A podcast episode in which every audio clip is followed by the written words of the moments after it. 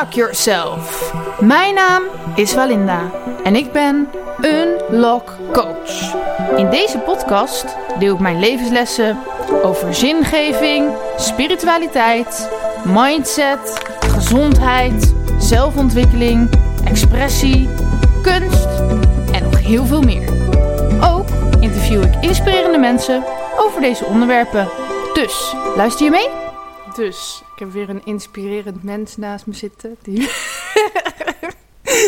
je mag ook lachen in deze podcast, hoor, is niet verboden. Ehm, wie ben je?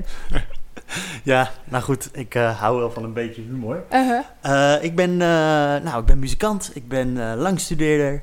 Ik ben misschien hier ergens en daar ergens een leugenaar. Ja? Ja, zeker. Oké, ik denk dat, verder. dat iedereen een beetje een leugenaar is.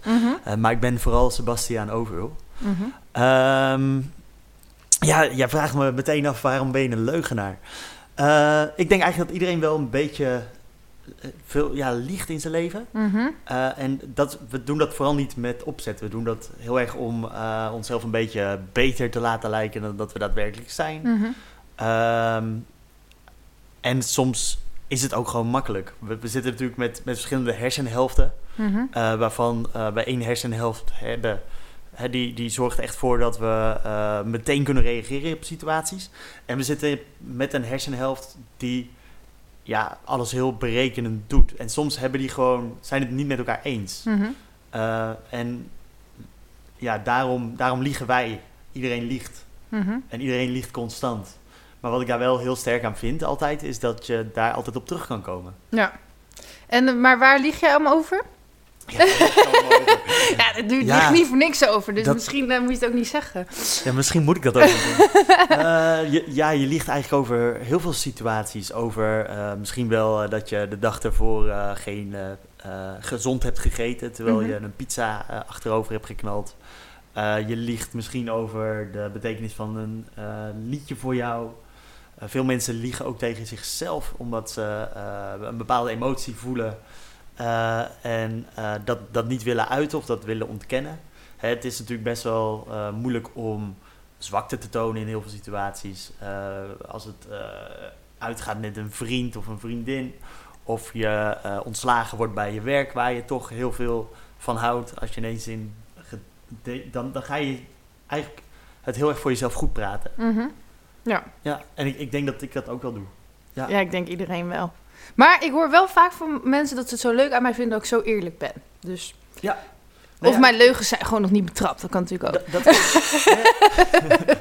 ik, ik denk dat het wel heel vaak, leugens komen heel vaak uit. Hè? Ja. Dus eh, ik denk altijd, ik, ik leef zelf bij de regel van eerlijkheid is altijd het beste op de lange termijn. Vandaar dat ik ook zeg van, eh, als ik eh, een leugen vertel, dan kan ik daarop terugkomen. Eh, en ik, ik denk dat dat echt zo is. Want als je liegt over bepaalde dingen, over bepaalde intenties, dan komt het je altijd achterna. Ja. Ehm, en, en op die manier je, kun je wel liegen, maar als je van jezelf weet, het is beter op de lange termijn om de waarheid te vertellen, Mhm. dan blijf je ook bij die waarheid.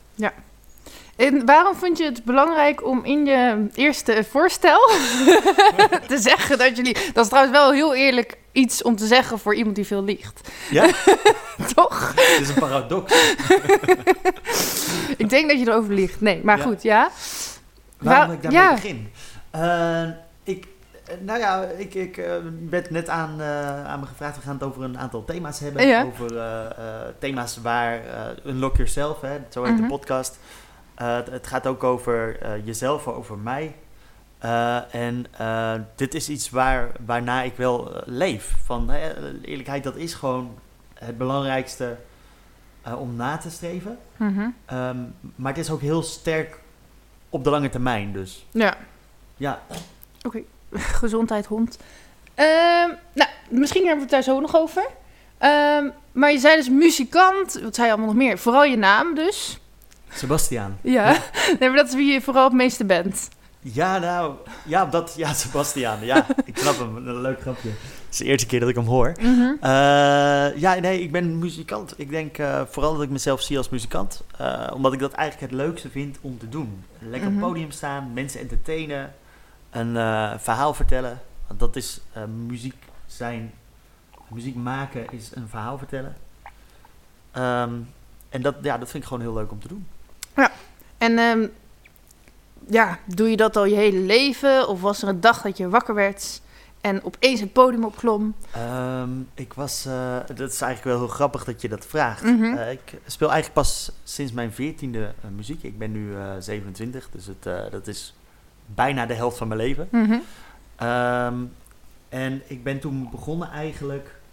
Mijn vader die speelde eigenlijk altijd gitaar. Ik ben begonnen nadat ik een, een, een meisje basgitaar zag spelen in een, ja, een, een cafetaria was het.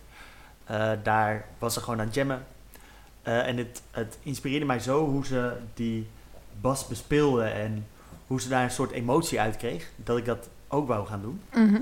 Ehm, maar ja, ik durfde in eerste instantie eigenlijk niet aan mijn ouders te vragen van... hé, hey, koop een, gitaar voor mij. Mhm. Eh, want die dingen die zijn best wel duur. En ik heb soms de neiging om iets heel interessant te vinden... en er dan toch niet mee door te gaan. De hond heeft een beetje hond die, ADHD. eh, ADHD bijt mij een beetje in de vinger. Ehm, Als, ik, als hij weg moet, moet je het zeggen, maar dan eh, moet ik helemaal naar beneden lopen om in de ik denk dat hij mijn vingers weg wil hebben. nee, dus... Eh, ja, dus je wilde je ouders niet vragen om een gitaar? Ja, uiteindelijk heb ik dat eh, toch gedaan. Toen zei mijn moeder nee, mijn vader die zei ja.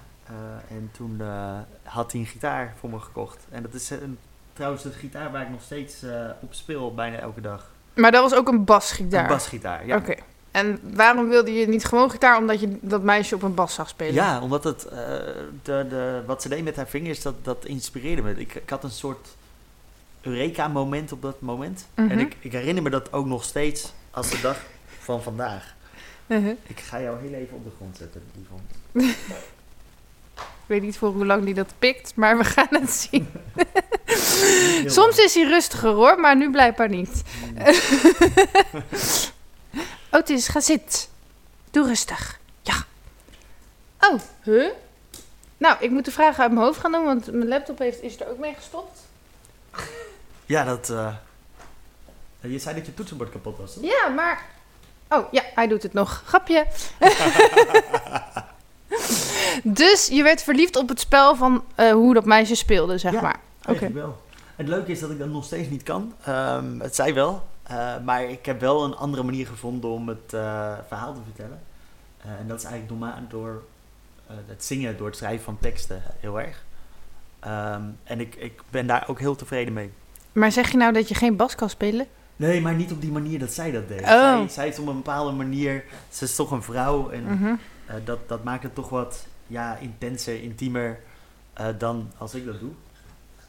Eh, ik denk dat dat ook te maken heeft dat mijn handen misschien wat vrij klein zijn en ik eigenlijk helemaal geen eh, gitaar of piano handen heb.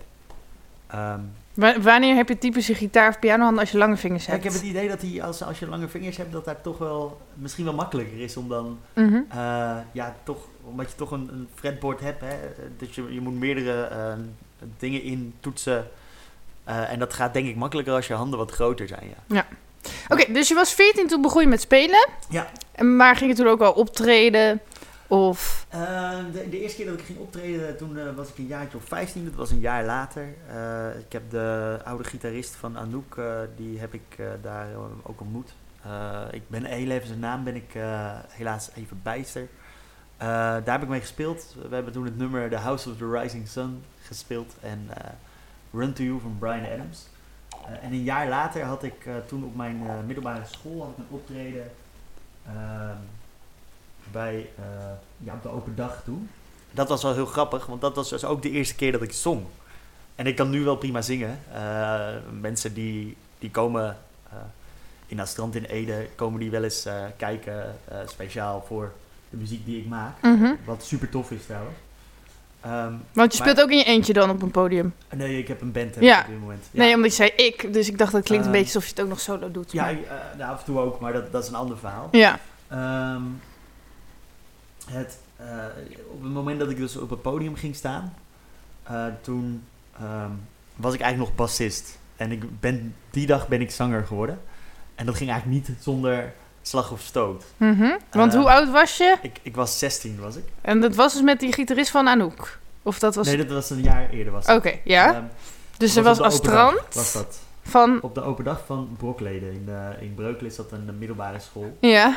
Ehm, En eh, wij zouden daar gaan optreden. Ik had eh, alles heel goed geleerd op de gitaar, want ik zou niet gaan zingen. Ehm, maar ja, iedereen kent Hold the Line van Toto. Iedereen kent Summer of 69 van eh, Brian Adams. Mhm.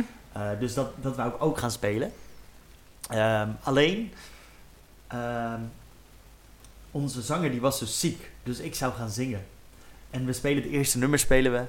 Uh, en het is allemaal instrumentaal. Mensen komen kijken. Het is echt heel goed. De, de, piano doet het goed. We hebben een drummer die echt heel goed aan het drummen is. We hebben een, een rasmuzikant, een, een introverte jongen die echt zo goed in de gitaar is. Die kan er echt alles uithalen wat er uit te halen valt. En je hebt mij op de bas die dan ook voor de eerste keer gaat zingen. Mm -hmm. En de zaal die loopt vol. Mensen komen kijken, mensen die... Je ziet verwachtingsvolle gezichten, zie je. En ik zou dus gaan zingen. Uh, Brian Adams, Hold the Line. We beginnen het nummer, beginnen we. We spelen hem in, de intro. Het klinkt echt te gek. En ik begin te zingen en het is zo vals als maar kan. de hele zaal, die had gewoon zoiets ik ga nu weg. het was gewoon leeg aan het eind van het nummer. Niet? Omdat het zo slecht was. Oh, wat erg. Ja. Uh, maar dat Dan zou je toch nooit meer zingen daarna? Dat zou je nooit meer zingen, dat klopt. Het heeft uh, denk ik echt nog wel een jaar of vijf geduurd voordat ik weer durfde te zingen op een maar waren ze ook boos op je? Ze waren niet boos op me. We hebben er uh, heel erg hard om kunnen lachen. Ja. Uh, ik in eerste instantie niet. Ik heb er heel erg hard om moeten huilen. Oh. Uh, maar uiteindelijk kan ik er nu wel om lachen. Ja. Uh, en dat, dat is ja, de, de, hoe ik begon met zingen. Oké, okay, uiteindelijk maar... heb ik op mijn 21ste mm -hmm. heb ik een optredentje mogen doen waarin weer een zanger ziek was. en deze keer ja, begonnen we met Little Black Submarines van de Black Keys. Mm -hmm. En ik zet het in, ik kreeg een daverend applaus daar schrok ik zo erg van dat ik de rest van de avond alleen maar vals gezongen heb. uh, maar het was het begin voor, voor mij een uh, muzikale uh, ja, carrière, om mm -hmm. het zo maar te zeggen. Oké. Okay. Ja. Maar, maar toen, hoe kan het dat je toen wel durfde? Nou, het, ik durf het wel. Het is niet dat ik het niet durf. Nee, maar die eerste, dat... die eerste... Nou, ik zou echt na zo'n ervaring denk ik niet meer durven. Ja, maar je weet ook dat het leven, dat... dat gaat echt over vallen en opstaan. Ja. Het gaat echt om. We weten van uh, kinderen die leren alles heel snel omdat ze heel veel fouten maken. En volwassenen durven geen fouten te maken, dus leren ze minder snel. Mm -hmm. Alleen ik vind het daarom juist belangrijk om wel buiten die comfortzone te ja. stappen. En dat heb je jezelf toen gewoon verteld eigenlijk? Ja, eigenlijk. Nou ja, dat, dat, ik, ik leef daar ook wel een beetje bij. Ja. Uh, als ik uh, een, deze podcast ook, hè, ik heb eigenlijk nog nooit een podcast opgenomen. Misschien Mhm. ben ik wel heel ja, vertel ik dan een heel raar verhaal of Mhm. zeg ik wel hele rare dingen. Uh, maar ik denk wel dat je het moet doen, want je leert ervan. Ja. En juist als je op je, je, ja, je op je bek gaat, dan dat zijn die momenten waar je kan groeien. Mhm. Eens. Oké. Ehm, nou, je hebt al heel veel dingen verteld eigenlijk. Ja. Maar, ehm, en je bent dus vooral, voel je je muzikant. Maar als je nu zou moeten zeggen wat je missie is op deze aarde. Ik weet dat het een hele zweverige vraag is. Oeh, dat is een hele zweverige vraag. Je kan ook gewoon zeggen, ja, nee, dat is ook niet nuchterder. Waarvoor ben je hier? Maar Uh, wat dat- is je doel? Ja, wat mijn doel.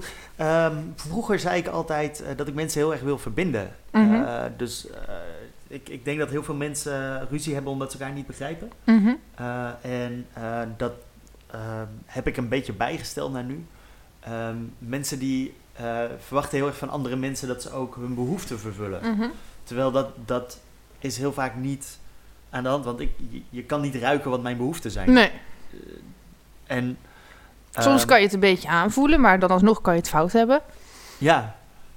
Ik, ik denk dat, dat mijn missie meer geshift is van hè, eh, mensen elkaar laten begrijpen. eh, naar eh, mensen hun eigen behoeften laten vervullen. Oké. Ja. En Maar dan hoeven we elkaar niet meer te begrijpen.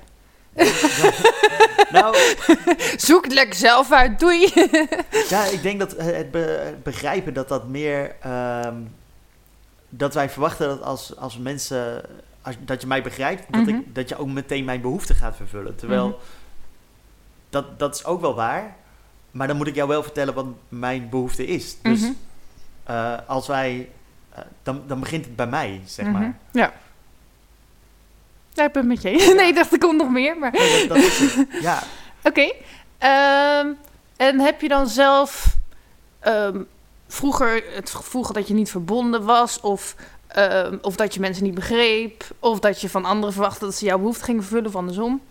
Of is dat helemaal, heeft het niks met jezelf te maken? Ik ben vroeger best wel eh, het, het, het ik, ik ben opgegroeid in uh, Zuilen. Dat is een uh, wijk in uh, Utrecht waar...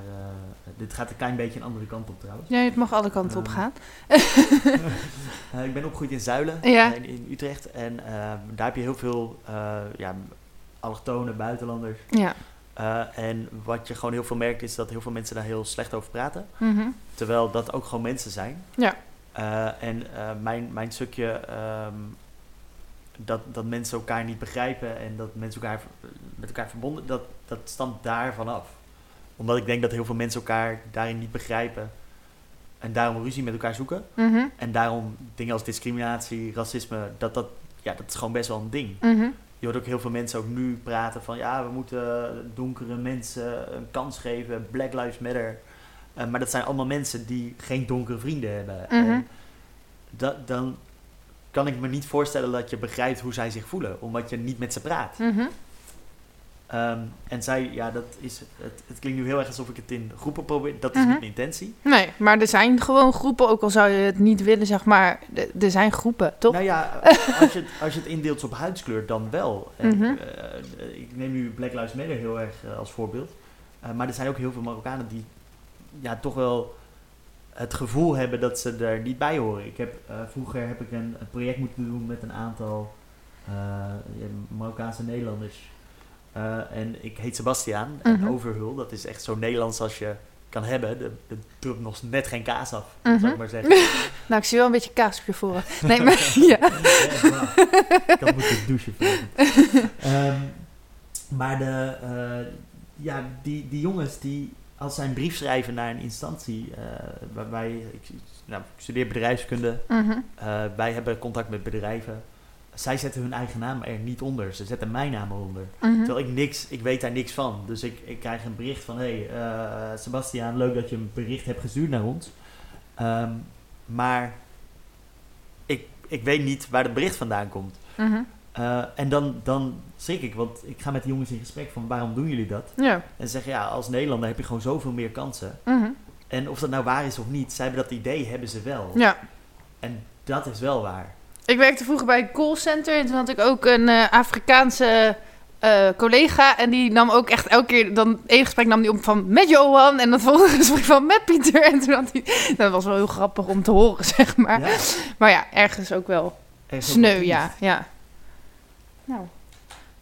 Um, ja, dus daarom, omdat je dus dat merkte in je wijk eigenlijk ook, ja. uh, vind je het belangrijk om mensen met elkaar te verbinden. Ja, dat is, dat is wel het, het doel inderdaad. En ik probeer in de muziek probeer ik ook allemaal thema's aan te slaan die, uh, wa waardoor mensen zich wat meer uh, ja, begrepen voelen. Uh, want hoe onzeker je ook bent, er zijn 6, 7 miljard mensen op de aarde. Mm -hmm. Er zijn zoveel mensen die hetzelfde voelen als jij. Ja. Het, ja, we zijn op dat punt niet zo speciaal. Nee, nee, en vaak denk je wel als je een bepaald probleem hebt van shit, ik ben de enige en niemand begrijpt mij. Ja. ja. Maar dat is vaak omdat we er niet over durven praten. Dat is uh, vaak omdat we er niet over durven praten. Ja. ja.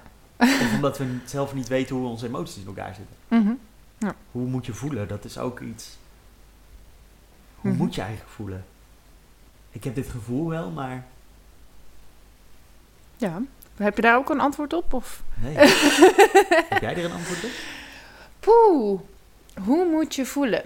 Nou, wat ik wel echt, dat klinkt misschien raar, maar um, ik weet ook niet precies het antwoord, maar, maar ik dacht vroeger altijd dat voelen iets heel zweverigs was of zo. Ik, ik, ja, van bovenaf. Of, of, van, uh, of dan zei je van ja, ik voel dat. En dacht, oh, die is echt uh, spiritueel, paranormaal, weet ik veel. En toen later, toen ik meer aan yoga ging doen, toen dacht ik, hé, hey, maar ze bedoelen gewoon letterlijk je lichaam. Zeg. Dat had ik nooit beseft of zo. Dat is misschien heel raar. Van, van je lichaam geeft al aan of je iets prettig vindt of niet. Of, ja, dus dat is wel grappig of zo. Ja, dat, dat is heel simpel, maar... Ja, dat, we moeten ook denk ik niet zo moeilijk naar gevoelens kijken. Nee. Uh, het, we hebben gewoon basisgevoelens, hè? blij, uh, boos, uh, verdrietig. Mm -hmm. um, En daar, daar kun je denk ik al heel veel mee.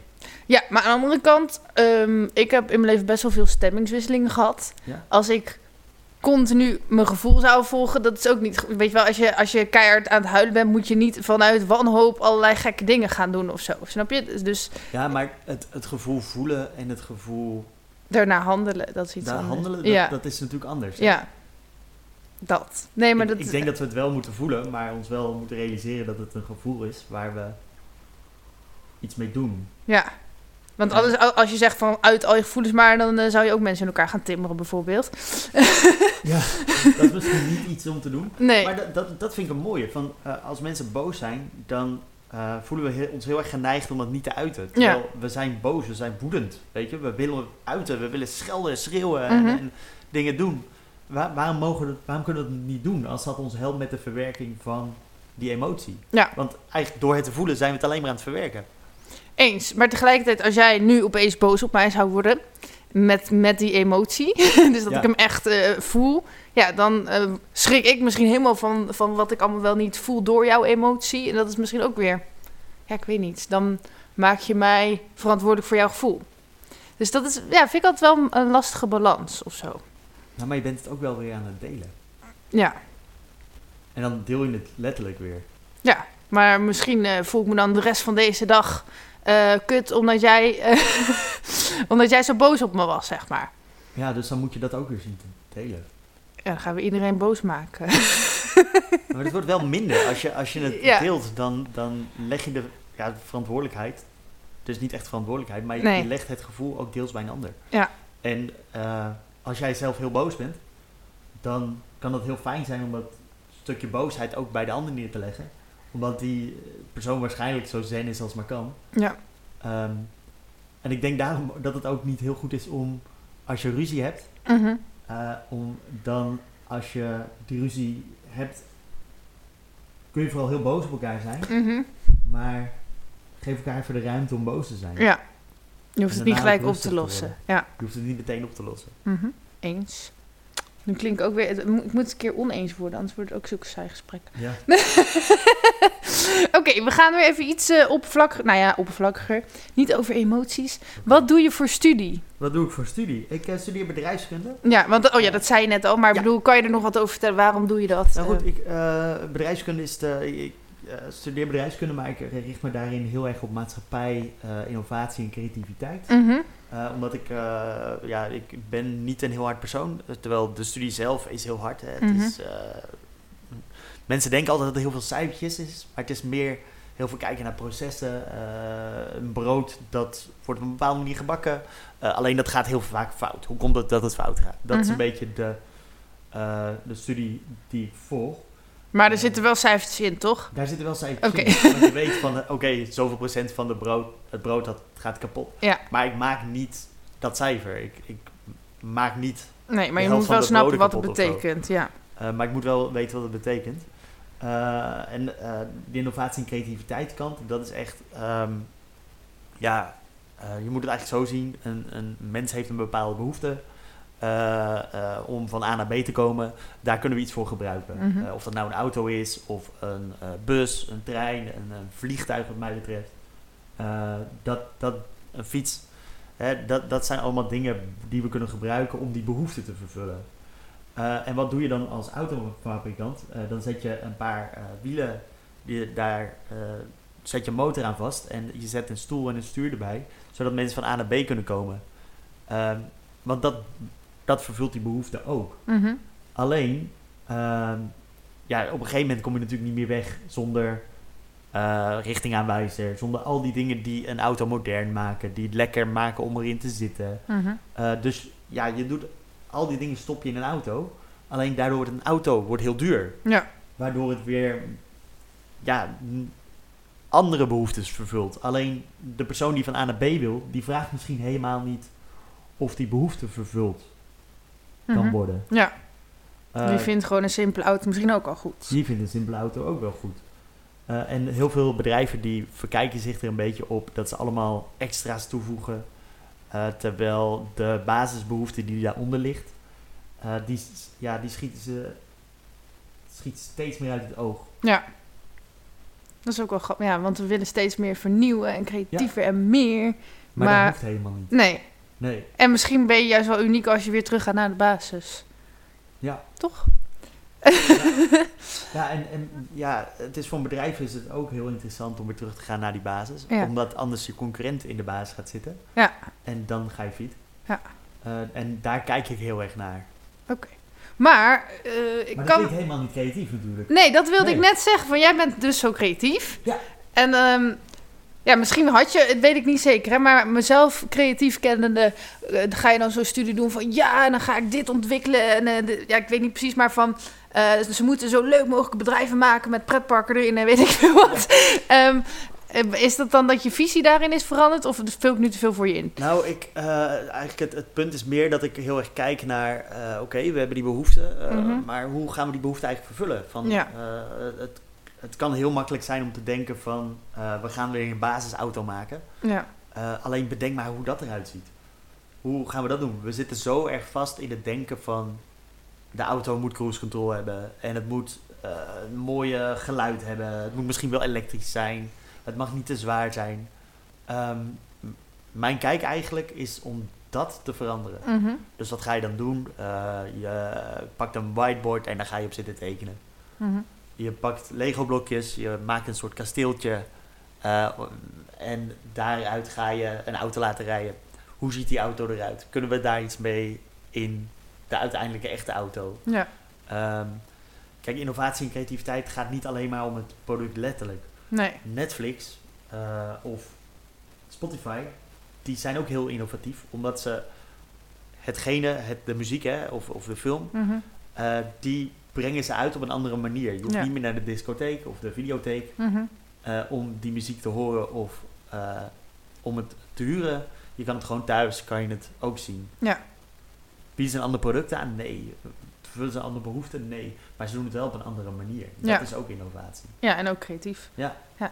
Oké, en eh, waarvoor ging je deze studie doen? Wat, wat was je idee daarachter? Nou, eh, ik eh, na mijn studie op de, de, de, naar de middelbare school, heb ik Mhm. HAVO gedaan, Mhm. wist ik eigenlijk niet helemaal wat, wat ik wou doen. Toen ben ik eh, begonnen bij de Kruidvat. Maar ik had een favoriete pizzaplek in Breukelen destijds. En daar kwam ik eigenlijk best wel te veel. Mhm. Ik kwam daar drie, vier keer per week. Mhm. En de eigenaar kende me op een gegeven moment. We hadden best wel leuke gesprekken altijd. En op een gegeven moment kwam een van zijn bezorgers, die kwam niet opdagen. En ik zeg tegen die man, weet je wat, ik eh, ga die pizza voor je bezorgen. En ik bezorgde pizza voor hem. En eigenlijk was dat wel leuk, het was gezellig.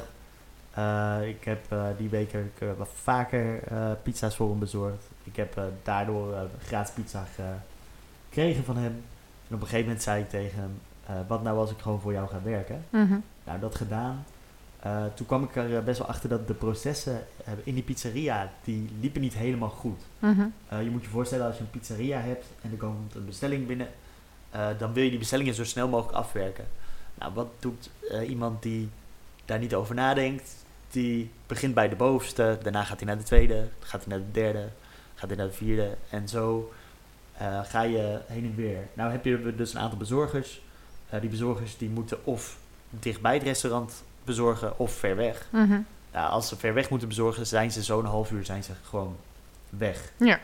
Ehm, heb je alle bezorgers eh, die ver weg aan het bezorgen zijn, Mhm.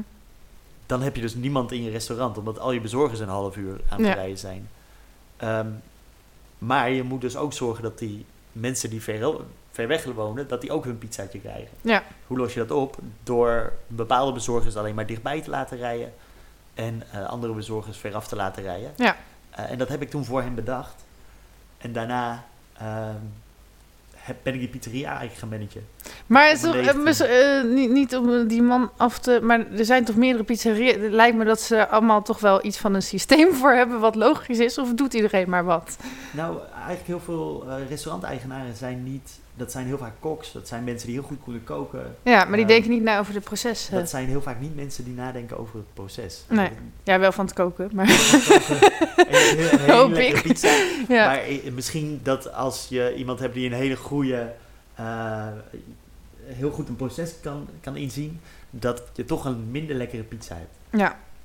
Oké. Ja. En toen ben je daar bedrijfsleider geworden. Toen ben ik daar eh, bedrijfsleider geworden voor... eh, Weet je wat, ik ben de tijd bang dat je toch niet goed voor de microfoon zit. Dus ik Oh. doe hem nog even. Ja, maar ik ben ook een beetje hysterisch aan het doen. Zo, ja, oh, Ik denk nu dat we niet goed voor de microfoon zitten. Moet ik hem over processen gesproken. Over processen gesproken. ja. Dus dat je een beetje zo in het midden ervoor blijft. ja, dat is eh, goed. Maar ik denk dat ze het wel hebben gehoord hoor. Oké. Praat verder. Eh, anders moet je heel even tweaken van het geluid. Ja. Ehm, dus eh, ja, ik denk dat dat... eh, we hadden het over bedrijfsleiders. Eh, nou, daar ben je bedrijfsleider geworden. Want ja. het ging meer over je studie, waarom je die hebt gekozen. Ja, klopt. En nou, ik ben daar bedrijfsleider geworden en ik ja, kon daar heel erg kijken naar processen. En dat ging eigenlijk best wel lekker. Alleen ik kwam er ook heel erg achter dat als ik bijvoorbeeld marketing dingen ging doen, dat dat toch niet helemaal liep zoals ik dacht. Het, het is best wel moeilijk om een marketingbericht de wereld in te sturen. Mhm. En daar feedback op te krijgen. Want mensen zien het wel, maar ja, wie ziet dat? Wat vinden ze ervan? Ehm, je hoort dat meestal achteraf, ergens een maand of zo later. Dus ja, je weet eigenlijk niet wat je aan het doen bent dan. Nee. En dat is heel, heel onzeker en dat brengt heel veel twijfel met zich mee. En daarom ben ik bedrijfskunde gaan studeren. Ja. Omdat ik gewoon dat wou weten van hoe, hoe zit een bedrijf in elkaar? Hoe werkt de bedrijfsvoering? Eh, ik had op middelbare school was ik heel goed in economie. Mhm. Ehm, dus ik, ja, dat an- analytische, dat, dat had ik wel in me. Mhm. Maar ja, ik heb er nooit voor gestudeerd. Dus ik, ik deed eigenlijk ook maar wat. Ja. Ik had het ook niet doordacht. Nee. En nu kan ik dat wel beter. Oké. Eh, ja, ik zit te denken, als je, stel dat je nou maar gewoon wat zou doen, hè? Eh, het ligt er ook een beetje aan wie je bent. Ja. Maar denk je dat je dan ook zonder ja, heel veel kennis toevallig precies het juiste kan doen? Ja. Oké. Ja, want het is allemaal, het is allemaal een numbers, eh, numbers game. Eh, je hebt gewoon een kans dat je gewoon iets doet... waardoor ja, iets heel succesvol wordt. Ja, en gewoon sommige dingen zijn ook vrij logisch om te Ja. doen, zeg maar. Dus als je een beetje diep nadenkt of gewoon vanuit je instinct of zo, zou het dan best kunnen dat je, dat je het goede doet. Ja, maar ik denk ook aan de andere kant... eh, dat zelfs al doe je het goede, dat, dat, dat het soms toch een kans is dat je eh, dat het niet goed gaat. Nee. Dus eh, dat je je droom aan het verwerken bent en dat maar nergens naartoe gaat. Dat, dat kan ook gebeuren. Ja. Het is een, een, een, eh, munt met twee kanten. Oké. En je werkt ook nog, hè? Ja, Wat doe Ja. je voor werk? ik werk bij een bedrijf dat doet promotie in hospitality, onder andere. Eh, dus eh, ik verwelkom mensen. Mhm. Eh, en daar heb ik soms een team onder me. Dus dan, daar zit ik ook weer een beetje in die leidinggevende rol af en toe. Niet altijd. Ja, ik ga naar beurzen toe of naar feesten.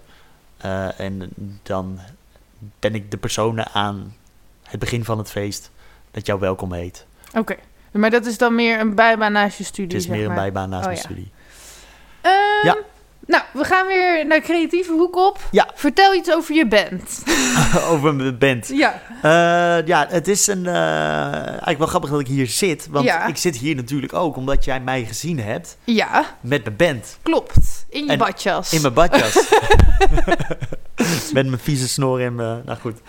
Ehm, Ja, je viel wel op. ik viel wel op. ja, Want eh, nou, je Ja. stond dus met een badjas op het podium en een kerstmuts op.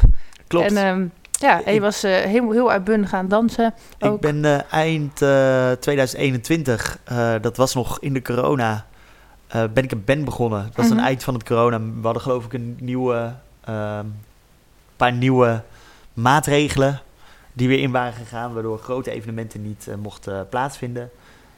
Dus ik had weer niks te doen, want ik werk in de evenementen. Hè. De, beurzen, dat zijn plekken waar heel veel mensen samenkomen. Mhm.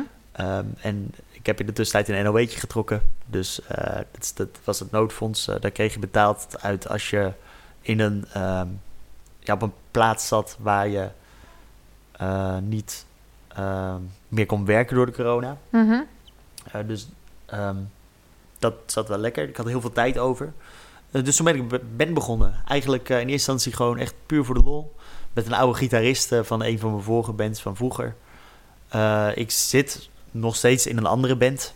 Eh, destijds door de corona ook gewoon. Ehm, maar goed, ik had tijd over, dus ik ben een bandje begonnen. En voor de lol. En ehm, uiteindelijk eh, zijn we dus eh, afgelopen november zijn we naar het strand terechtgekomen in Ede. Mhm. En daar vonden Poppodium, mensen wil ik nog even zeggen.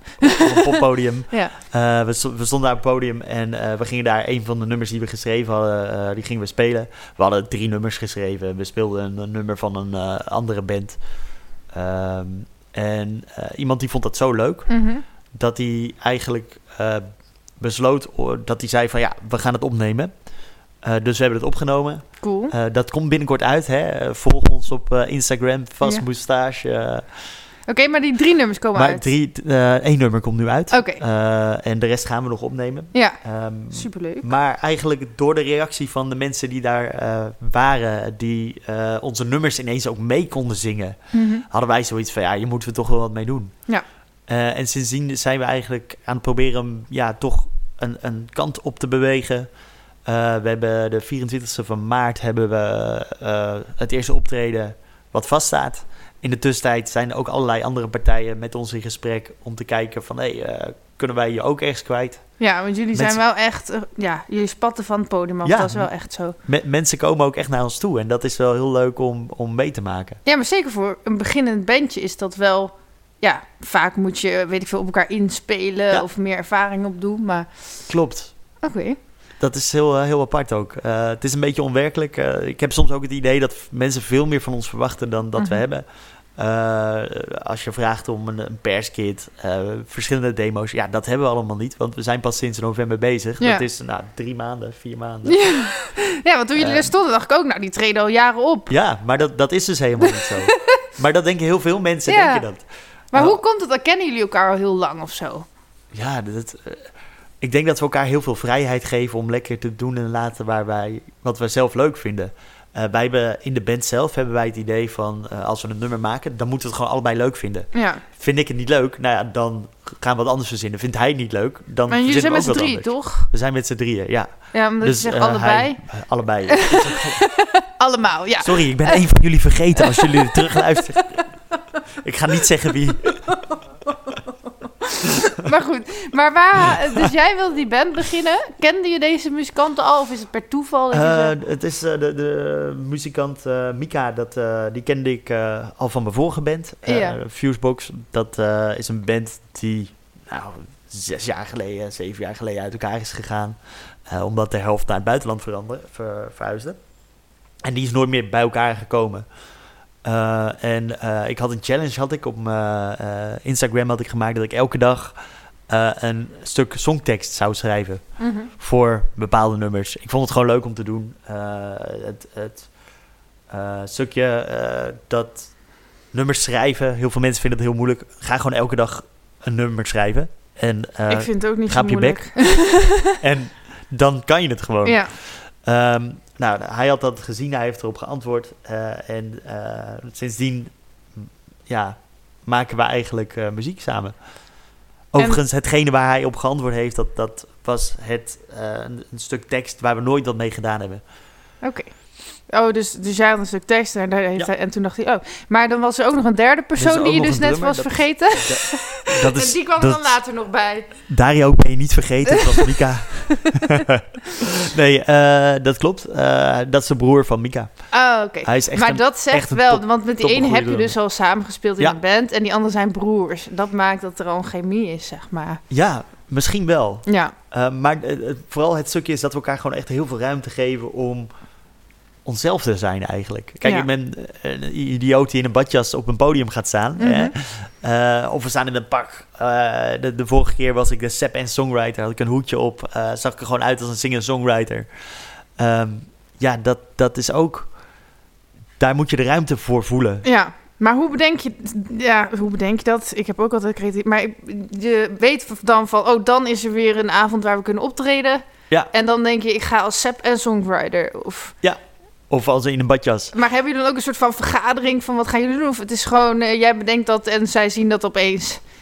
Eh, ja en nee. Wij eh appen elkaar 's ochtends wat we gaan dragen die dag. Ja. En we passen daar onze dresscode op aan. In dit geval was het zo dat ik vertelde... hey, ik ga een badjas dragen. En Mika daardoor een heel net pak aan had. Dat heeft te maken met Hugh Hefner. Mhm. Weet je, die, dat, de gast van Playboy. Eh, helaas is die overleden. Het gaat je goed, Joe. Eh, maar eh, die, die liep natuurlijk of in een pak of in een badjas. Mhm. Dus daar heeft hij zijn dresscode op aangepast. Ja. Wat ook heel leuk is, is dat je dus daarachter eh Dario hebt zitten. Mhm. En Dario die heeft scheid. Die, zet gewoon, die doet gewoon lekker een t-shirtje aan. Die denkt, oké, we gaan een bepaald nummer spelen. Een bepaald nummer over Van Gogh. Dan heb ik een shirt aan waar Van Gogh op staat. Of een bandshirt. Of... Maar dat maakt het ook weer heel vet. Maar jullie doen dus- dan niet zoveel met... Jullie zelf doen... nu- Jullie zelf, dat klinkt alsof hij iemand anders is. Nou ja, goed. Ja. Jij doet dan in ieder geval niet zoveel met het thema van de liedjes. Of past dat er ook weer wel weer bij? Ehm, dat is een goede vraag. Wij hebben een nummer dat heet Suits. Ja. Dat gaat erover dat je een eh, relatie hebt. En die relatie die is helaas uitgegaan. Eh, en het is eigenlijk een hele hopeloze situatie. Het is een eh, vechtscheiding. Of, eh, nou goed, er zijn ergens nog gevoelens. Eh, dat heb je heel vaak als het uitgaat. Hè? Mhm. Ehm, en eigenlijk wil je weten van, hé, hey, waarom gaat het uit? En eh, je bedenkt daar een oplossing voor. Ja. En de oplossing, dat is het dragen van een pak. Want als je naar een restaurant gaat of je gaat uit eten, je wil de moeite doen voor je vriend of vriendinnetje, dan draag je eigenlijk altijd hele mooie kleding. Ja. Maar dat werkt natuurlijk helemaal niet.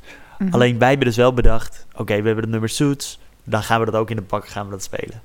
Oké, waarom werkt een pak dragen dan niet? Dat snap ik even niet. Eh, nou, het werkt niet om je relatie te fixen. Nee, niet als het inderdaad niet goed zit. Nee, Maar ik denk, Nee, maar eh, als het uit een man in pak niet- maakt wel indruk hoor. ja, zeker. maar Maar inderdaad, als het uit is, is het niet zo van, Als oh, je hebt een pak aan. is- Nou, dan wil ik je wel weer terug. Kijk, precies. dat heeft volgens mij nog nooit iemand gedacht. Maar ik wel. you never know. Oké, mm, even kijken. Nou, hoe je bent zult staan, hebben we ook al beantwoord. Ja, Ja, ik denk dat ik zo nog wel andere vragen heb over je band. ja dat is helemaal goed. Maar ehm, eerst nog, als, je- als je trouwens een hele andere kant op wil, mag dat ook. Hè? Want mijn vragen zijn niet heel logisch of zo. In wat voor gezin groeide je op? In wat voor gezin groeide ik op? Ja. Oeh.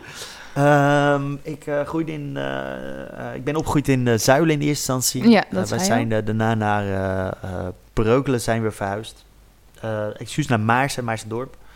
Eh en wij hebben daar een beetje een middelstandgezin met eh ondernemers als ouders. Eh, mijn vader die had zijn eigen horecazaak, heeft nog steeds zijn eigen ho- horecazaak. Dus je hebt het niet van een vreemde. nee. En mijn moeder die, ja, die werkte in eerste instantie eigenlijk altijd bij een, een, een groothandel. Ze hebben elkaar ook ontmoet via die groothandel en ehm, via het werk van mijn vader dan. Ehm, en die is uiteindelijk is die gaan ondernemen. Ik heb nog een zusje. Eh, en eigenlijk, eh, die zijn op een gegeven moment zijn die uit elkaar gegaan met een gigantische vechtscheiding. Mhm. Eh, en dat Jouw is ouders hebben het over mijn ouders. Ja, nee, niet mijn zusje. dat is een vrij jong vrouw. Ja, het kan. En ja, op dat punt ehm, ja, heb ik een jeugd gehad. Maar, en op welke leeftijd ging, van jou gingen ze scheiden, zeg maar? Ze gingen, eh, ik, ik zou willen zeggen dat het, het kijk, want een scheiding dat voel je aankomen als kind. Mhm. Eh, dat, ze zijn uiteindelijk om mijn zestiende zijn ze gescheiden. Oké. Eh, maar vanaf, denk ik, mijn tiende of mijn twaalfde... was er gewoon heel veel ruzie in huis, heel veel onrust. Mhm. En ik zou eigenlijk zeggen dat ze vanaf mijn twaalfde... echt wel een soort vechtscheiding hadden. Ja. Ja, Poeh, dat is wel pittig. Ja. nou ja, ja. Eh, mijn ouders die zeiden ook... eh, eh, ja, toen ik een jaar of vijf was... Toen mijn zusje... Ik heb een zusje die is vier jaar jonger dan ik. Eh, zijn ze heel even ook uit elkaar geweest, omdat ze toen ook al flinke ruzie hadden. En ik geloof niet dat dat eigenlijk daarna ooit goed gekomen is. Nee. Ehm, dus op dat punt heb ik eigenlijk ook... Ja, ik ben wel een soort liefdevol opgevoed, Mhm. maar zonder echt te zien wat echt liefde is of zo. Dat Mhm. heb ik later moeten leren. Ja. Ja. Oké. En, eh, maar naar jou waren ze dus wel heel liefdevol. Ja. zeg zo, nee, ze waren... Nee, maar...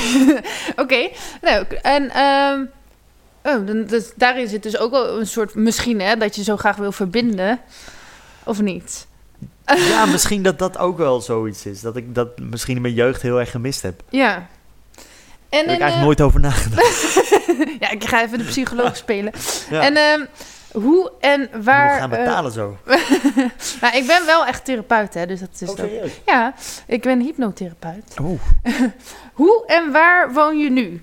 Eh, ik woon nu in Ede, in een studentenhuis met drie meiden en een gast. Ja, dus we wonen met z'n vijven.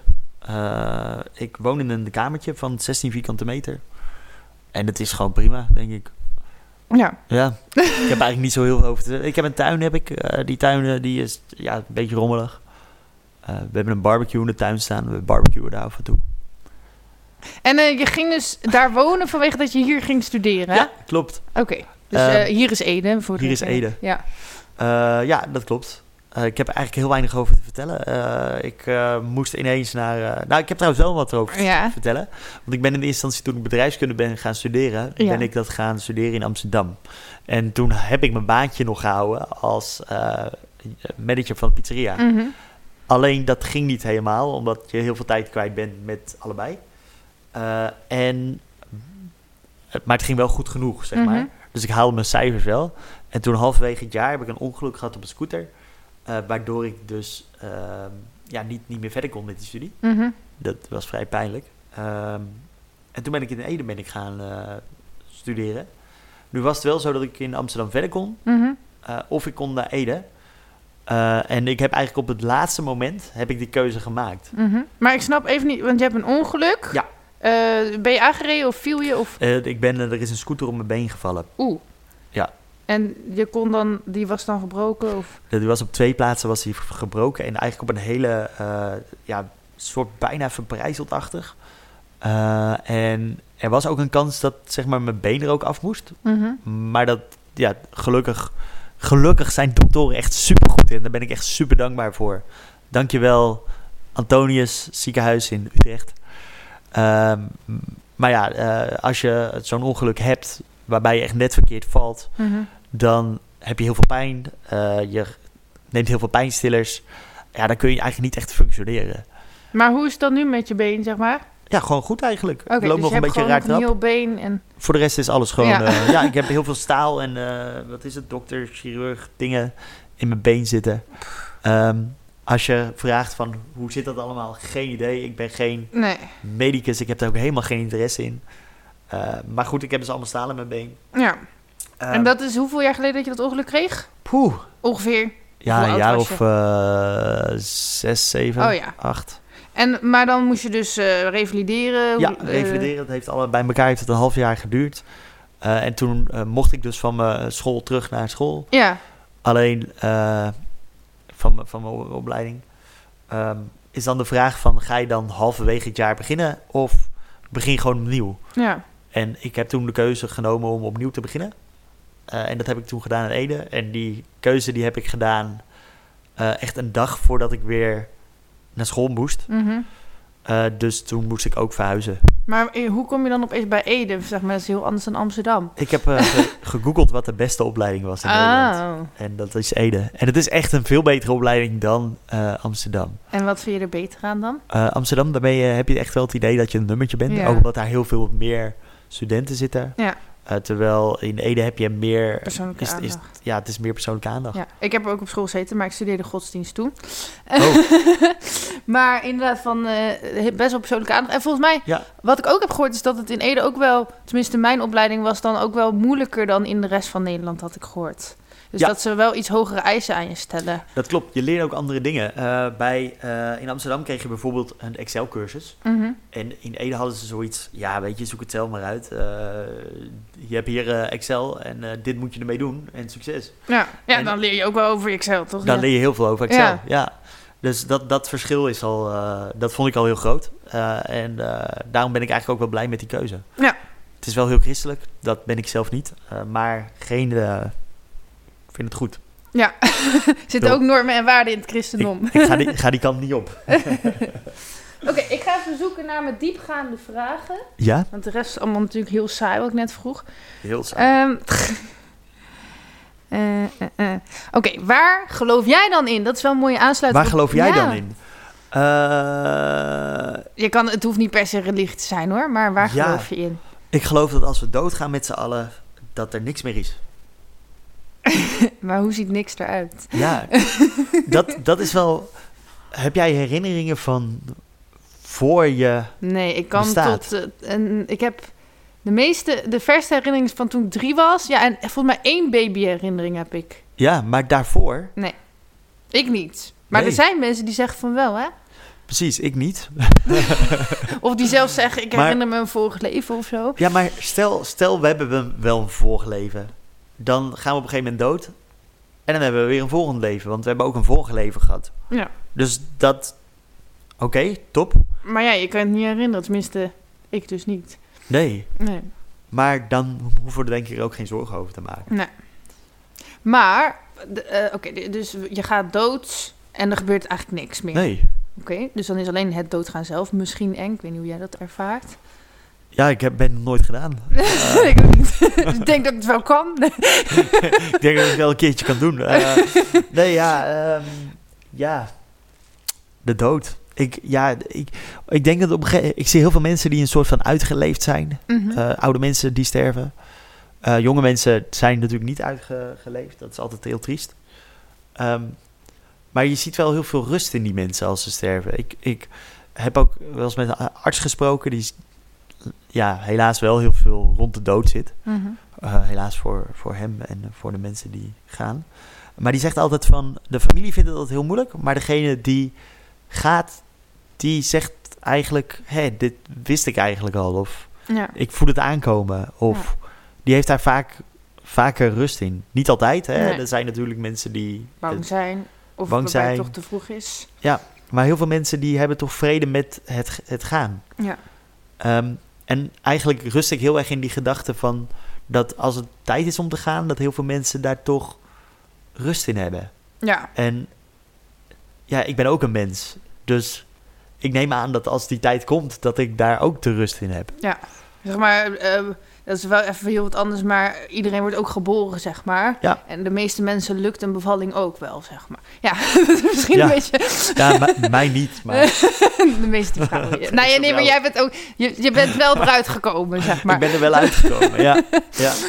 Ehm, ja, even denken hoor. Wat, ik zat er wel voor die... Nou, maar het kan natuurlijk wel dat je heel veel pijn hebt als je doodgaat. Want dat lijkt me wel eng. Gewoon dat je, dat je aan een bepaalde ziekte doodgaat en dat het echt heel... ja maar dat gaat ook weer over. Ja, Met mijn ongeluk heb ik ook heel veel pijn gehad. Dat Ja. is nu ook weg. ja oké, maar het was, als je nu zou weten dat je straks weer zoveel pijn hebt... dan, dan zeg je toch liever nee, dankjewel. Ja. ja, maar het hoort wel bij het leven. Ja, Ik vind heel veel, dat, dat vind ik een mooi, mooi, eh, mooi iets. Ehm, heel veel mensen proberen altijd heel erg gelukkig te worden ook. Mhm.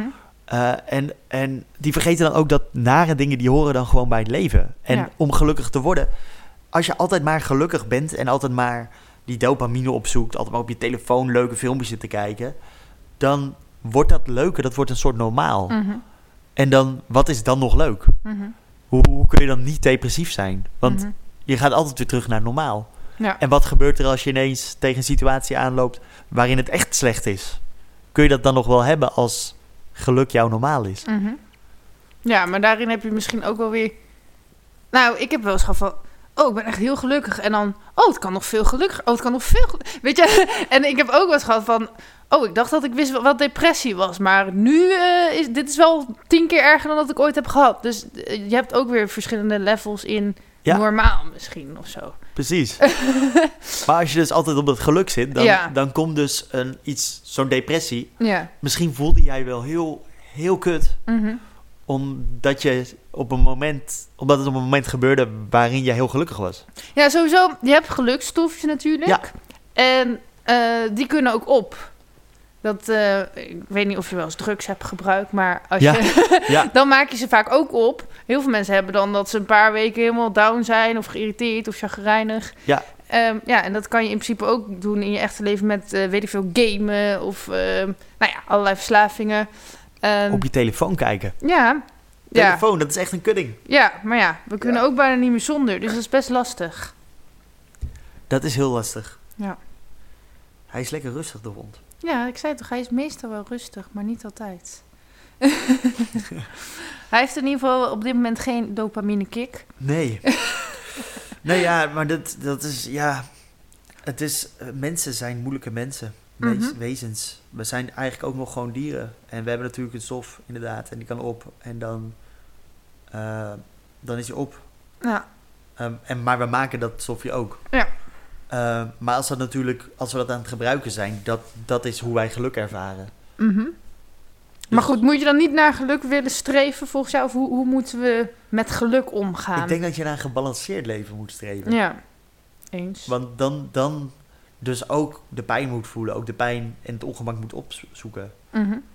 En eh, is dat iets wat je de afgelopen jaren hebt geleerd? Of was Nou dat altijd al? Eh, ik ben dus aan het begin van de... Ik ben iemand die heel veel bezig is. Ik eh, heb in het verleden heb ik ondernomen door een bedrijfje te proberen op te richten. Het is niet helemaal goed gegaan, hè. Mhm. Misschien dat het de volgende keer wel goed gaat. Ik, ik werkte veel, ik was aan het studeren. ik had toen ook een bandje waarmee ik allerlei dingen aan het doen wa- was. Er was een evenementje wat ik aan het oprichten was. Nou goed, ik was heel veel bezig. En in de corona viel het allemaal ineens weg. Eh, ik had, zelf corona aan het begin van de corona.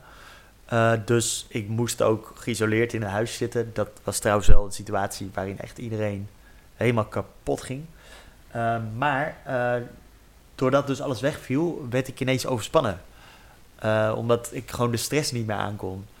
En ik heb toen wel echt geleerd van... hé, hey, misschien moet ik niet alleen maar bezig zijn. Want be- bezig zijn maakt mij gelukkig. Daar word ik heel blij van als Mhm. ik bezig ben. Ehm, en misschien moet ik ook de rust opzoeken. En af en toe ook zeg maar de dingen die niet goed gaan opzoeken. En ehm, echt wel buiten mijn comfortzone gaan. Ja. Juist omdat dat mij een kutgevoel geeft. Mhm. Maar daardoor is het geluk wel weer gelukkig. Eens. Ik heb ook wel gemerkt van dat in de coronatijd dat je dan... ehm, als je dan wel iets leuks hebt of zo, want je kon natuurlijk steeds minder. Als Ja. je dan bijvoorbeeld weet ik veel vrienden te eten hebt, dan is dat opeens veel leuker dan dat dat vroeger was. Ja. Eh, ja, en zo. Of ik vond bijvoorbeeld eh eerst boswandeling altijd heel saai. En nu, nu kan ik daar veel meer van genieten. Ja. ja. Oké. Ehm, dus je denkt niet dat er leven na de dood... Maar geloof je dan wel dat er iets van een god is of zo? Het hoeft Nee. niet per se god te heten. Nee. Maar... Oké, dus alles is toeval, om het maar zo te Eh, ja, eigenlijk wel. Ja. Hm. Alles toeval. Eh, Maar heb je dan nooit dat, dat je denkt... Nou, dit, dit is zo'n wonder of dit is voorbestemd? Of... Ja, maar dat, dat is ook toeval. Eh, als je een, een, een, een bak hebt met Mhm. allemaal knikkers. Mhm. En die knikkers die zitten allemaal tegen elkaar. En je beweegt er eentje. Dan is het toevallig dat die tegen een ander aankomt. En die knikker die gaat ook weer tegen een ander aankomen. Maar uiteindelijk ja, is toch alles in beweging. Mhm. En misschien ziet die hele bak met knikkers er op een bepaalde manier uit na een tijdje. Mhm.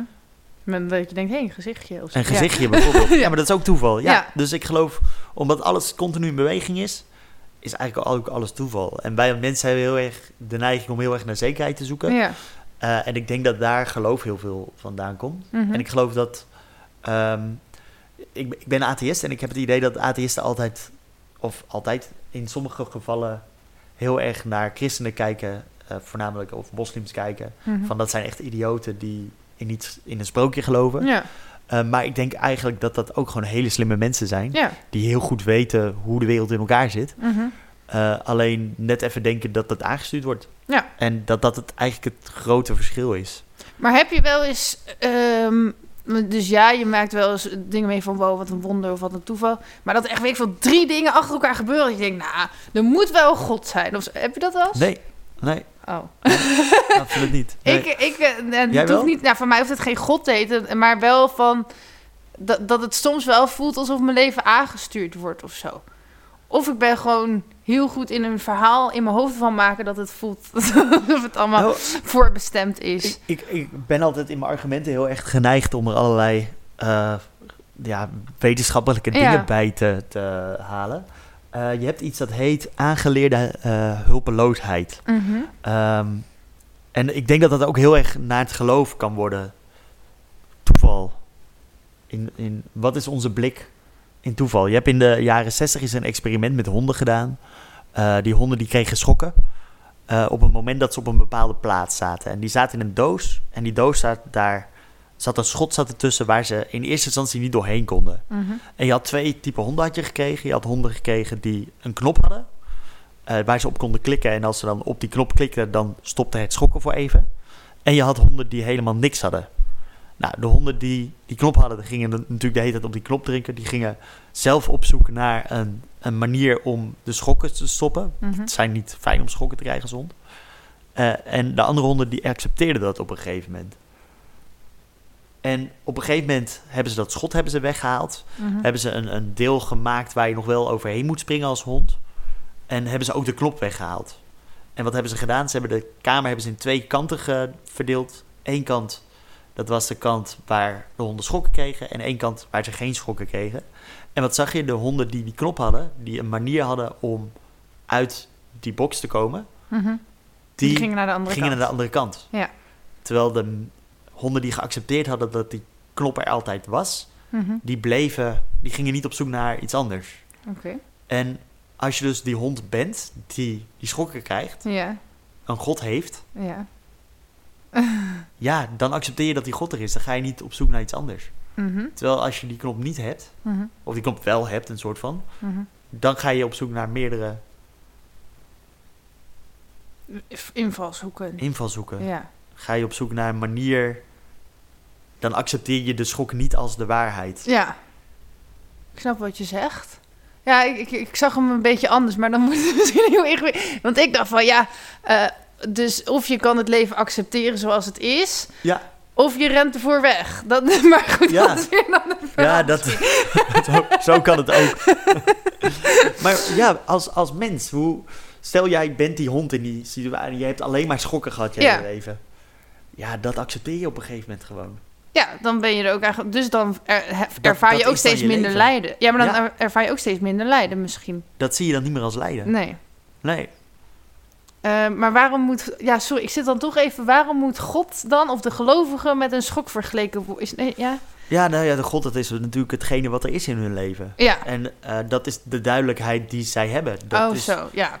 Een, een schok is een, ja, op dat punt een soort duidelijkheid. ja net als je wij bijvoorbeeld met. eh, tenminste, in dit systeem eh, leven de meeste mensen wel met een soort agenda of zo. Maar stel dat je dat nooit hebt gekend, dan maak je er misschien ook geen gebruik van. Of dan heb je iets heel anders als een agenda.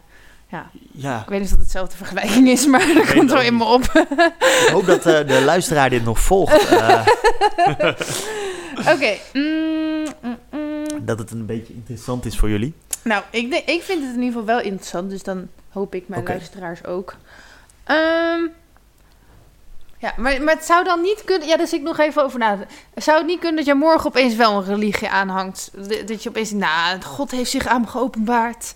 Ik, zeg, ik zeg nooit nooit. Ik zeg nooit nooit. Maar het, het lijkt me vrij sterk. Ik sta Ja. er vrij sterk. Ik ben vrij eh, ja, niet gelovig eigenlijk. Mhm, Ja, snap Ehm, hem. En ehm, Ik, ik denk ook Mhm. dat als je dus kijkt naar mijn missie in het leven, eh, mensen verbinden, eh, dan denk ik niet dat geloof daarbij past. Eh, omdat op het moment als je allemaal jij- hetzelfde geloof hebt... Ja, maar dat hebben mensen. Maar dan kun je niet mensen verbinden die bijvoorbeeld een, iets anders geloven. Mhm, Eh, dus ik, ik geloof ook ergens dat dat, dat dat met mijn missie gewoon niet kan. Omdat op het moment dat jij zegt van hè, eh, er is een God, dan zie je dat als waarheid. Ja, En dan, dan ga je niet snel, dan blijf je in die box zitten. Je blijft die schokken ontvangen. Terwijl Mhm. als je buiten de box gaat kijken en je krijgt de schokken niet meer, dan kun je ook, dan weet je, er zijn schokken, eh, er zijn geen schokken. Je hebt meerdere invalshoeken. En daardoor Ja. kun je een ander meer begrijpen, denk ik. Ik denk wel dat als hier bijvoorbeeld een christen naar zou luisteren of zo, dat diegene zegt: Ja, hallo, jij zegt dat wij die kant van de schokken zijn, maar misschien zit jij wel aan de kant van de schokken. Misschien zit ik wel aan de kant. van de en moet jij weglopen en dan zie je dat, dat christendom de waarheid is. Ja, ik ben even voor duidelijkheid, ik ben geen christen meer. Wij, Maar- eh, wij- ik ik eh, heb het christendom heb ik in mijn jeugd heel veel, eh, Ja. heeft zich geopenbaard. Ja, Ehm, dus eh, ik zou graag tegen jou zeggen, jij christelijke luisteraar. eh, ik eh, heb de schokken meegemaakt. dus ik weet hoe het is om in de schokken te leven. Maar ik Ja. weet ook hoe het is om, het, om er niet in te leven. ja, En dat in... Ik heb ook een moskees bezocht en synagoges. En ik ben daar wel heel erg naar op zoek geweest. Van, oké, hoe, hoe zit het dan in elkaar? En daarom, mensen die hebben echt de neiging om ja, naar iets te zoeken waar ze heel zeker over zijn. ja. En dat wetende, ja, denk ik dat er geen God is. Nee. Omdat als je denkt dat er wel een God is, dan heb je de zekerheid gevonden. Ja. En ik denk niet dat die zekerheid er is. Oké, maar ehm, enige zekerheid met bepaalde dingen is wel nodig, toch? Ja, in je persoonlijk leven wel. Ja, en het is hoe- natuurlijk ook heel Mhm. mooi als je in een God gelooft en je kan daar zekerheid in halen uit een kerk en uit de mensen om je heen. Mhm. Maar waar hou jij, dus ehm, ik snap, ik haal het zelf ook niet meer uit het christendom of zo, maar waar haal jij je zekerheden uit? Als er niks zeker vraag. is. Eh, ik sta daar niet bij stil. Oké, maar hoe vertrouw je dan? Ja, snap je? Als er, Wat, wat moet je dan vertrouwen? nou ja, eh, weet ik, ja, je moet niks vertrouwen, maar Ik ga ervan laat uit- ik het zo zeggen, ik maak deze podcast. Dan moet ik wel vertrouwen in hebben dat het, dat het iets gaat worden. Het hoeft niet per se heel veel te worden, maar ik moet wel enig vertrouwen hebben dat wij dit kunnen. Nou, ik denk dat je heel veel vertrouwen, eh, heel veel zekerheid haalt uit het falen wat je in het verleden hebt gedaan. Ja, Ja, ja maar want jij je hebt zei... geleerd hoe je een podcast moet maken. Ja. Maar eh, jij zei van, je hebt op een podium gestaan en daar ging iedereen weg. Ja, klopt. Dus waar heb je toen het vertrouwen uitgehaald dat het toch ging lukken? Eh, nou, ik, heb, ik, ik, ik vond het heel leuk. Ik vind het altijd heel leuk om op een podium te staan. Ik vind Mhm. het leuk om eh, ja, mensen te entertainen. En het is ergens ook wel entertaining als iemand gewoon heel vals staat te zingen. Mhm. Misschien dat ik dat zo, zoiets in mijn hoofd heb gehaald toen ik voor de tweede keer ging zingen. Mhm. Ehm, ik had wel echt heel veel scheid. Je zit er een soort van doorheen. Je denkt, ah, kut. Je, je zit echt in die... eh, in een, je zit eigenlijk in een emotie. En die, dat emotie, dat deel je op dat moment met een hele zaal. En dat is een, een, een emotie waarin je heel veel scheid hebt. Mhm. Ja. Dus, dus ja, ik zit even te denken. Nou, ik weet het ook niet precies, maar... nee, maar soms is het wel lastig als er dus niets is. eh, geen zekerheden. Van hoe, hoe kan je dan vertrouwen? Dat vind ik soms best lastig. Maar voor mezelf heb ik wel... eh, dat ik dan dus mijn eigen zekerheden bouw. Dus, dus bijvoorbeeld een agenda of... of eh, Oh ja. gewoon bepaald. Nou ja, die, die structuren, wat jij eigenlijk ook doet in de bedrijfskunde, dat zijn ook zekerheden creëren. Ja, En dat is voor jou dan eigenlijk op dat moment een soort religie. Niet per se God, maar wel van, nou, het werkt ongeveer zo. Ja, ja dat eh, vind ik een interessante vergelijking. Eh, nu is het wel zo dat je met innovatie en creativiteit juist heel erg probeert die structuren weg te nemen, Ja. zodat mensen daarbuiten gaan denken. Ja. Ehm, Maar dan alsnog, zelfs als je chaos hebt, ontstaat er weer een structuur vaak. ja, ja, dat klopt. Eh, ik denk niet dat ik een antwoord heb. Nee, dat hoeft ook niet. maar oké, maar ben- heb je wel eens wel dat je onzeker bent of angstig of... Snap je? Van, Ja. Ja, absoluut. Eh, vooral onzeker wel. Mhm. Ehm, en, maar dat, ja, ik, ik, hoe ik, ja, ja, ik ben ook wel eens onzeker. Ja. over of mijn zang wel goed is, of mijn stem wel goed klinkt, of een gesprek dat ik heb gehad wel interessant is.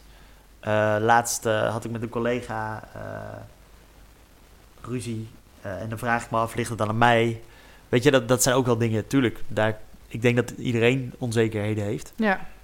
Ehm, maar ik vind onzekerheid vind ik ook een, een uitnodiging om die onzekerheid weg te nemen Ja. door juist in gesprek te gaan. Ik denk dat misschien de zekerheid daarin het, het verslaan van onzekerheid is. Mhm. Het Ja, of, en, soms is, die- ja, en soms is het ook gewoon accepteren dat je onzeker bent, maar toch doen. ja, ja, maar juist op zoek naar die eh, oncomfortabelheid. Ja. Ja, En dan word je daar zeker ik weet in. niet of dat een woord is. Nee, maar dus, dus zeker, ook zeker zijn in het niets en in het onbekende en in het... Ja, Ja. cool. En ehm zit nog één ding daarover van... Hoe zijn we dan... eh, ik geloof gewoon dat de evolutietheorie eh, zo is zoals die is, zeg maar. En dan gaat het even niet om de evolutietheorie, maar van... Hoe komt het dat we hier zijn als mensen dan? Waarom zijn Ja. we hier? Ja, dat, dat eh, de theorie van evolutie, die ken ik niet. Nee, Eh, maar ik bedoel gewoon... Nee. Ehm, dus, dus dat even. Maar wat, wat ik denk is, Mhm. je hebt al die eh, knikkers. En al die knikkers die gaan, heel veel knikkers, die komen allemaal tegen elkaar en die maken allerlei vormen. En op een gegeven moment was er een heel klein vormpje dat een soort iets werd of zo, wat leefde. En dat is gaan groeien. En dat heeft zich geprobeerd zo erg over zo'n lange tijd te ontwikkelen, dat het uiteindelijk mensen zijn geworden. Maar het is wel bizar toch dat er leven is. Zeg maar. Ja. Hoe dan? Ik denk ook dat wij heel veel dingen gewoon niet kunnen begrijpen. Nee. Hoe groot het heelal is bijvoorbeeld. Ja. Dat is echt gigantisch. Mhm. Het, het, het zonnestelsel, dat is natuurlijk al best wel groot. Dat kunnen we een soort van begrijpen. Mhm. Als in, ik, ik loop af en toe in de sta- stad en daar heb je van die gigantische wolkenkrabbers. In, eh, en daar, daar denk ik ook al van, dat is gigantisch. Hoe kunnen we dit maken als mens? Maar het kan, dat kan dus blijkbaar wel. En zo'n wolkenkrabber kun je vanaf het heelal niet eens zien. Zo, zo groot is de wereld. Mhm. Ja. Wat Ja. is er? Je zit nu kijk je Echt onzeker. Ja, Eh, Oké, we gaan denk ik wel bijna afronden. Ja. Mm. ja, nee, ik vind die diepgaande vragen gewoon te leuk. Dus ik ga nog steeds heel Ja. even diepgaand. ga die Wat is dan de zin van het leven Wat de zin jou? van het leven is. Oeh. Ja, ik denk dat het eh, zinloos is. Ja, Ja, oké. triest hè?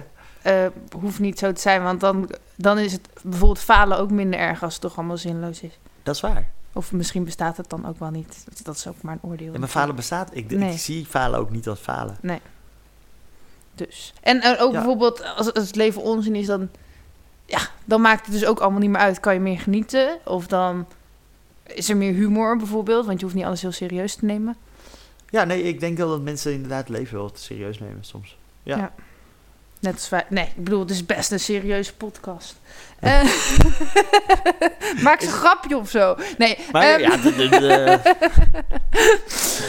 ehm, ik heb een tijdje geprobeerd een eh, grap. eh, nou, die kan ik nu ook wel vertellen. Ja, Eh, dit is een hele flauwe grap. ja. Ik ga hem ook zo droog mogelijk proberen te vertellen. mhm. Hoe noem je het als je iemand insmeert met chocolademousse zonder toestemming? Ja, ik zag hem op je Instagram, maar eh, ik weet het niet meer. zeg het maar. Dat, dat is een mythetje. Ja. Ja. ik zag hem gisteren nog, want ik was je natuurlijk wel een beetje aan het bestuderen, Oh. zodat ik wist welke vraag ik moest stellen. Mm, mm, mm. Oké, nog één vraag voordat we gaan afronden naar de laatste drie vragen. Niet dat het heel veel mensen uitmaakt, maar dat is echt voor mijn structuur. Ja, ja. Ehm, hoe zou jij je eigen leiderschapsstijl omschrijven? Oh, ehm, dat is een leuke vraag. Ehm, ik, ik denk dat ik heel veel handel vanuit kennis. Eh, dus ik weet heel veel dingen. Mhm. eh, en ik weet heel vaak, heb ik heel snel dingen door. Eh, ik heb best wel analytisch denkvermogen. En dat kan ik heel, ja, dat kan ik in heel veel gevallen toch wel een soort meenemen. waardoor mensen een soort afhankelijkheid hebben omdat ik die kennis heb. Dus ik, ik denk dat het vanuit kennis heel erg gedreven is. Als in, ik weet vaak wel wat er moet gebeuren. Mhm. Ja. Maar ja, hoe kan dat dan? Nee, ja, ik, zit, ik kan alleen leider zijn als ik iets goed kan, zeg maar. Ja, dat is denk ik misschien bij iedereen wel zo. Nee, maar dat, dat, dat is niet zo. Nee? Nee. ehm, sterker nog, er zijn allemaal op, op het internet heb je heel veel van die filmpjes van dan eh, hele groepen die gek dansen. En dat begint altijd met één gast die dan een tijdje aan het dansen is. Eh, en eh, dan kun je denken, hij moet de leider zijn. Mhm. Maar dat, dat is hij niet. Hij is degene die het initieert. De tweede persoon die erbij komt, die neemt altijd de groep mee. Want dan is het ineens normaal aan het worden. Mhm. En dan vindt iedereen het wel heel leuk om mee te doen. Ja. Die tweede persoon, dat is de leider. Hmm. Interessant. Ja. en ook wel, mensen leren ook dingen sneller als ze dingen mogen uitleggen. Dus op die manier kan je natuurlijk ook leiding geven. Nou, in Ja. ieder geval, ik pak meestal pas mijn leidinggevende rol als ik wel echt het idee heb dat ik, het ook, dat ik hetgene wat we gaan doen ook kan, zeg maar. Oké, ik... eh, ja, maar we kunnen alles. Ja, maar Mensen kunnen alles. Ze kunnen heel veel zelf. Eh, ja, ik eh, pak het... eh, ik merk altijd dat ik, dat ik het... Ik pak hem niet. Ik probeer hem zoveel mogelijk niet te pakken. Maar toch zeg je dat je wel heel vaak de leider bent. Ja, dat klopt. Dat komt een soort van in mijn schoenen schuiven, omdat ik gewoon heel veel dingen weet. In mijn band is het zo dat ik eh, bijvoorbeeld de basis van heel veel marketingdingen weet. Dus dat ik dat dan doe. En dat ik daar dan ook mensen in aanstuur van, vanuit de band. Ja, maar dan hebben mensen toch... Kijk, ik kan ook heel veel weten. in een groep zijn. Niemand heeft door wat ik weet. Ja. En dan ben ik niet de leider. Snap je? Dus hoe... Oeh. ja. Oh, dat is een moeilijke vraag. Oh, dit is moeilijk. Sorry. Hoe ben je dan de leider? Ja. Oeh. nou, Ehm, misschien wil je ook wel helemaal niet de leider zijn, maar het gebeurt je gewoon. Maar, ja. maar is- ik denk dat het dan toch is omdat je kennis deelt. Ja, dat denk, ik denk dat. Dat het komt omdat ik kennis deel. Maar ik, ja, ik weet het echt niet. Het, ik vind het heel moeilijk Nee, oké. om daar op, eh, antwoord te geven. Maar eh, stel je bent een keer niet leider, vind je het dan erg? Nee, nee, absoluut niet. Ik vind ook eh, heel veel mensen die in leiderschap eh, beoefenen Mhm. of leider zijn, die vinden het heel moeilijk om dat, die, dat leiderschap, dat Los stukje laten. los te laten. Ja, Terwijl je ook een ander gewoon een kans moet geven om zijn ding te doen. Ja. Ja. Ik vind wel, in deze podcast klink je bijna... ehm, alsof je bijna geen valkuilen hebt of zo. Dus, ja, dus die wil ik toch nog even bespreken. Van, eh, wat zijn jouw slechte kanten? Mijn slechte kant Ja, is liegen. dat ik... nou ja, mijn, maar mijn, zelfs daar ben je eerlijk over. nou, mijn, mijn slechte kant is dat ik echt een, een chaot ben en dat ik altijd veel te veel bezig ben met allerlei dingen. Ja, maar je zegt ook dat je goed bent in die structuren juist zien en aanbrengen of vernieuwen. Ja, dat zien en wat mij doen, dat is misschien wel eh, dingen waar ik dan weer tegenaan loop. Of een echt, sorry, maar ik denk, dat is misschien mijn aanname, dat een echte leider kan niet echt chaotisch zijn. Nee? Nee, Hoezo want niet? als je alleen maar chaotisch bent, dan snapt die groep niet wat er gaat gebeuren. Eh, nou ja, kijk bijvoorbeeld naar Elon Mus- Musk. Mhm. Dat is zo'n beetje de grootste leider totdat hij Twitter overnam van eh, de westelijke wereld. Mhm. Maar die gast is echt een gigantische chaot. Hm. Die, ehm, die, die bedenkt gewoon wat. Die is super impulsief. Eh, en die bedacht gewoon ineens, laat ik Twitter kopen. Ja. Bijvoorbeeld. Gigantische bedragen die daarin omgaan. Gigantisch veel, ehm, ja, impact. ja. En ik, ik denk dat ik op dat punt, ja, misschien heel impulsief ben. Eh, heel snel dingen denk. Gewoon doe. Ja. En of heel snel dingen doe zonder er echt goed bij na te denken. Mhm.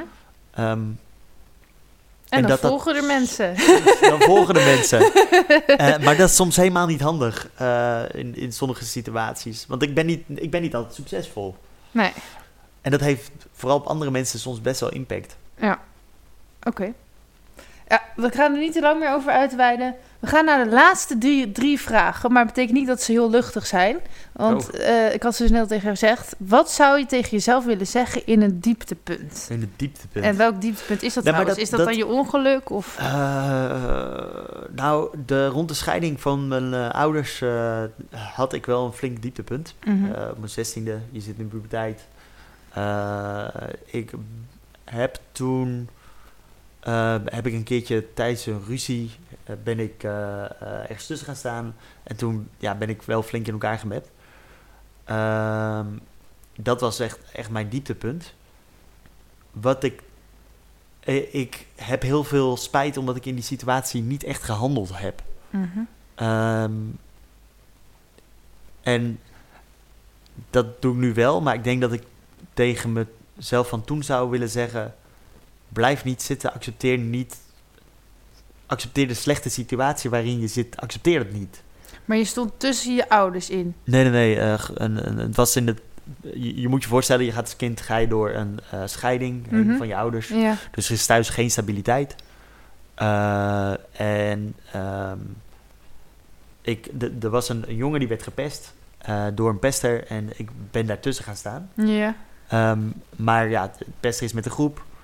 Ik heb een grote mond, Mhm. dus eh, ik heb toen klappen gehad. Oké. Maar je bent wel tussen gaan staan. Ik ben er wel tussen gaan staan. Eh, maar ik heb niet teruggevochten. Ik heb het geaccepteerd dat ik, eh, dat ik, ja, dat ik klappen kreeg. Ja. Dus je zou dan zeggen van... ehm, vecht. Ja, vecht. Accepteer niet je schokken, maar Accepteer vecht. niet dat je in een klote situatie zit. Nee, maar dat heeft heel veel, dat heeft heel veel impact op me gehad toen. Dat weet Mhm. ik wel. En dat is nu ook nog steeds... Want je hebt geen stabiliteit, je bent in één keer in elkaar geslagen. Wat Mhm. ga je dan godsnaam doen? Ja, ik wist het niet. Nee. Ik heb, ben er ook niet alleen uitgekomen. Mm. Dus dat... eh, Oké. Ja. Ja, ik, ja, ik zit al zelf altijd een beetje te zoeken van... eh, maar ik zeg niet dat je dit had moeten accepteren. Maar bij mij, soms denk ik, soms moet je gewoon accepteren dat, dat het kloot is, zeg maar. En soms Ja. moet je vechten. Dat is ook... Ja, je moet op zoek naar de klote situatie. En het accepteren dat het klote is. Ja, Maar je moet niet accepteren dat je erin blijft zitten. nee, eens. Of tenminste, ja, moet- Dat, dat hoef je het niet te kan wel, maar Het, het kan wel, maar dan... Ja, daar ga je niet heel blij van worden, Nee. zeg maar. dat klopt. Oké, hoe wil je herinnerd worden als je bent overleden? Hoe wil je herinnerd worden als ik wil overleden?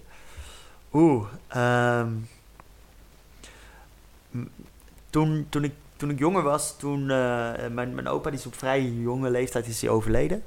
Eh, en die vond het, die wou, die is heel snel is hij aan de, die heeft asbestkanker heeft hij gehad. En die is echt binnen een aantal maanden is hij gewoon overleden. Terwijl hij daarvoor gewoon, ja, gezond leefde, sportieve oud man was. Eh, en die zei eigenlijk van, na mijn dood hoef ik niet per se herinnerd te worden. Jullie bepalen zelf hoe je mij herinnert. En dat vond ik wel heel mooi. Dus ik, dat wil ik ook. Ik wil dat mensen zelf bepalen hoe ze mij herinneren. Ik wil het zelf niet voor iemand invullen. Mhm. Ik vind het sowieso heel belangrijk. We, we vullen heel veel dingen in voor Ja. mensen. Ik denk niet dat we dat moeten doen. En hoe wil je dan nu gezien worden? Dat is misschien een betere. Ja, Of hoeven we dat ook niet in te vullen? dat eh, mag je ook voor jezelf. ja. Weinig diepgang krijgen Maar hier. ja, maar heb je dan... Het, is wel mooi als we dat zouden doen, zoals je het nu zegt. Maar je hebt toch heus wel dat je graag wil dat mensen je op een bepaalde manier bekijken. Anders dan zou je in deze podcast ook gewoon allemaal, weet ik veel, mensen kunnen beledigen. Of kan ook, even Ja, klopt. Maar Klopt. je hebt toch wel dat je een bepaald So- iemand neer wil zetten? Eh, Of, of wil je niemand neerzetten? Ehm, ja, ik vind dat wel. eh, dat zijn eigenlijk niet echt vragen waar ik, waar ik, heel, waar ik heel veel over nadenk. Ehm, hoe zou ik mezelf neer willen zetten? Ja, ik denk dat ik. Dat, dat mensen zoiets. Dat het leuk is als mensen zoiets hebben van. Het was leuk. Die jongen die heeft mij geïnspireerd om iets te doen. Die, dat, dat mensen denken van... hé, hey, deze persoon die heeft mij op een andere manier laten kijken... naar de dagelijkse dingen die voor mij heel normaal zijn. Mhm. Eh, en ik, ik denk dat dat wel een mooie gedachte is... om, om herinnerd te zijn en, en hoe, om bekeken te worden. Ja, Ja, dus dat mensen iets, ja, in- inspiratie uit je hebben gehaald. ja, Zoiets. En dan, wat voor inspiratie mogen ze zelf invullen? Dus ik denk dat jij ook wel staat dan voor vrijheid. ik sta 100% voor vrijheid. Ja, wie Ja. niet eigenlijk, maar ja. Oké. Ehm, nou, dat was het. Tenzij jij zegt van, eh, ik wil echt nog iets heel graag delen waar je helemaal niet over hebt gevraagd. Eh, ik wil iedereen heel erg bedanken voor het luisteren. Eh, ik heb niet echt iets... ik weet niet of jij nog wat wil weten. Nou, in ieder geval wel dat als mensen jou nodig hebben... Waar, waar kunnen ze je trouwens voor bellen, appen? Zeg maar, waar- wat wil je het liefste dat mensen jou no- voor nodig hebben? Je, je kan me overal voor bellen. Eh, Dag en nacht. Dag en nacht. Eh, Alsjeblieft, het liefst gewoon overdag. eh, tussen eh 1 en 3. Meestal ben ik dan wel wakker. Ja. Ehm, ja, nee, eh, ik, eh, ik help graag mensen. Als iemand iets eh, nodig heeft, eh, dan hoor ik het wel. Ja. Je kan me vinden op mijn Instagram. Ja, eh, ik ga weglopen trouwens, maar... lage streep Overhul. Eh, je kan me vinden op eh, mijn band, via mijn band, Vas Moustache. Dat is vast met een Z. En Moustache op de eh, Amerikaanse manier geschreven. Ehm, ja.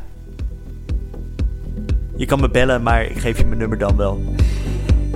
En een hele fijne dag allemaal nog.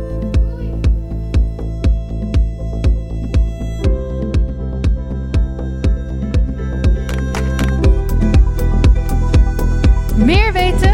Ga naar belinda.nl of volg mij op Facebook en Instagram. Doei!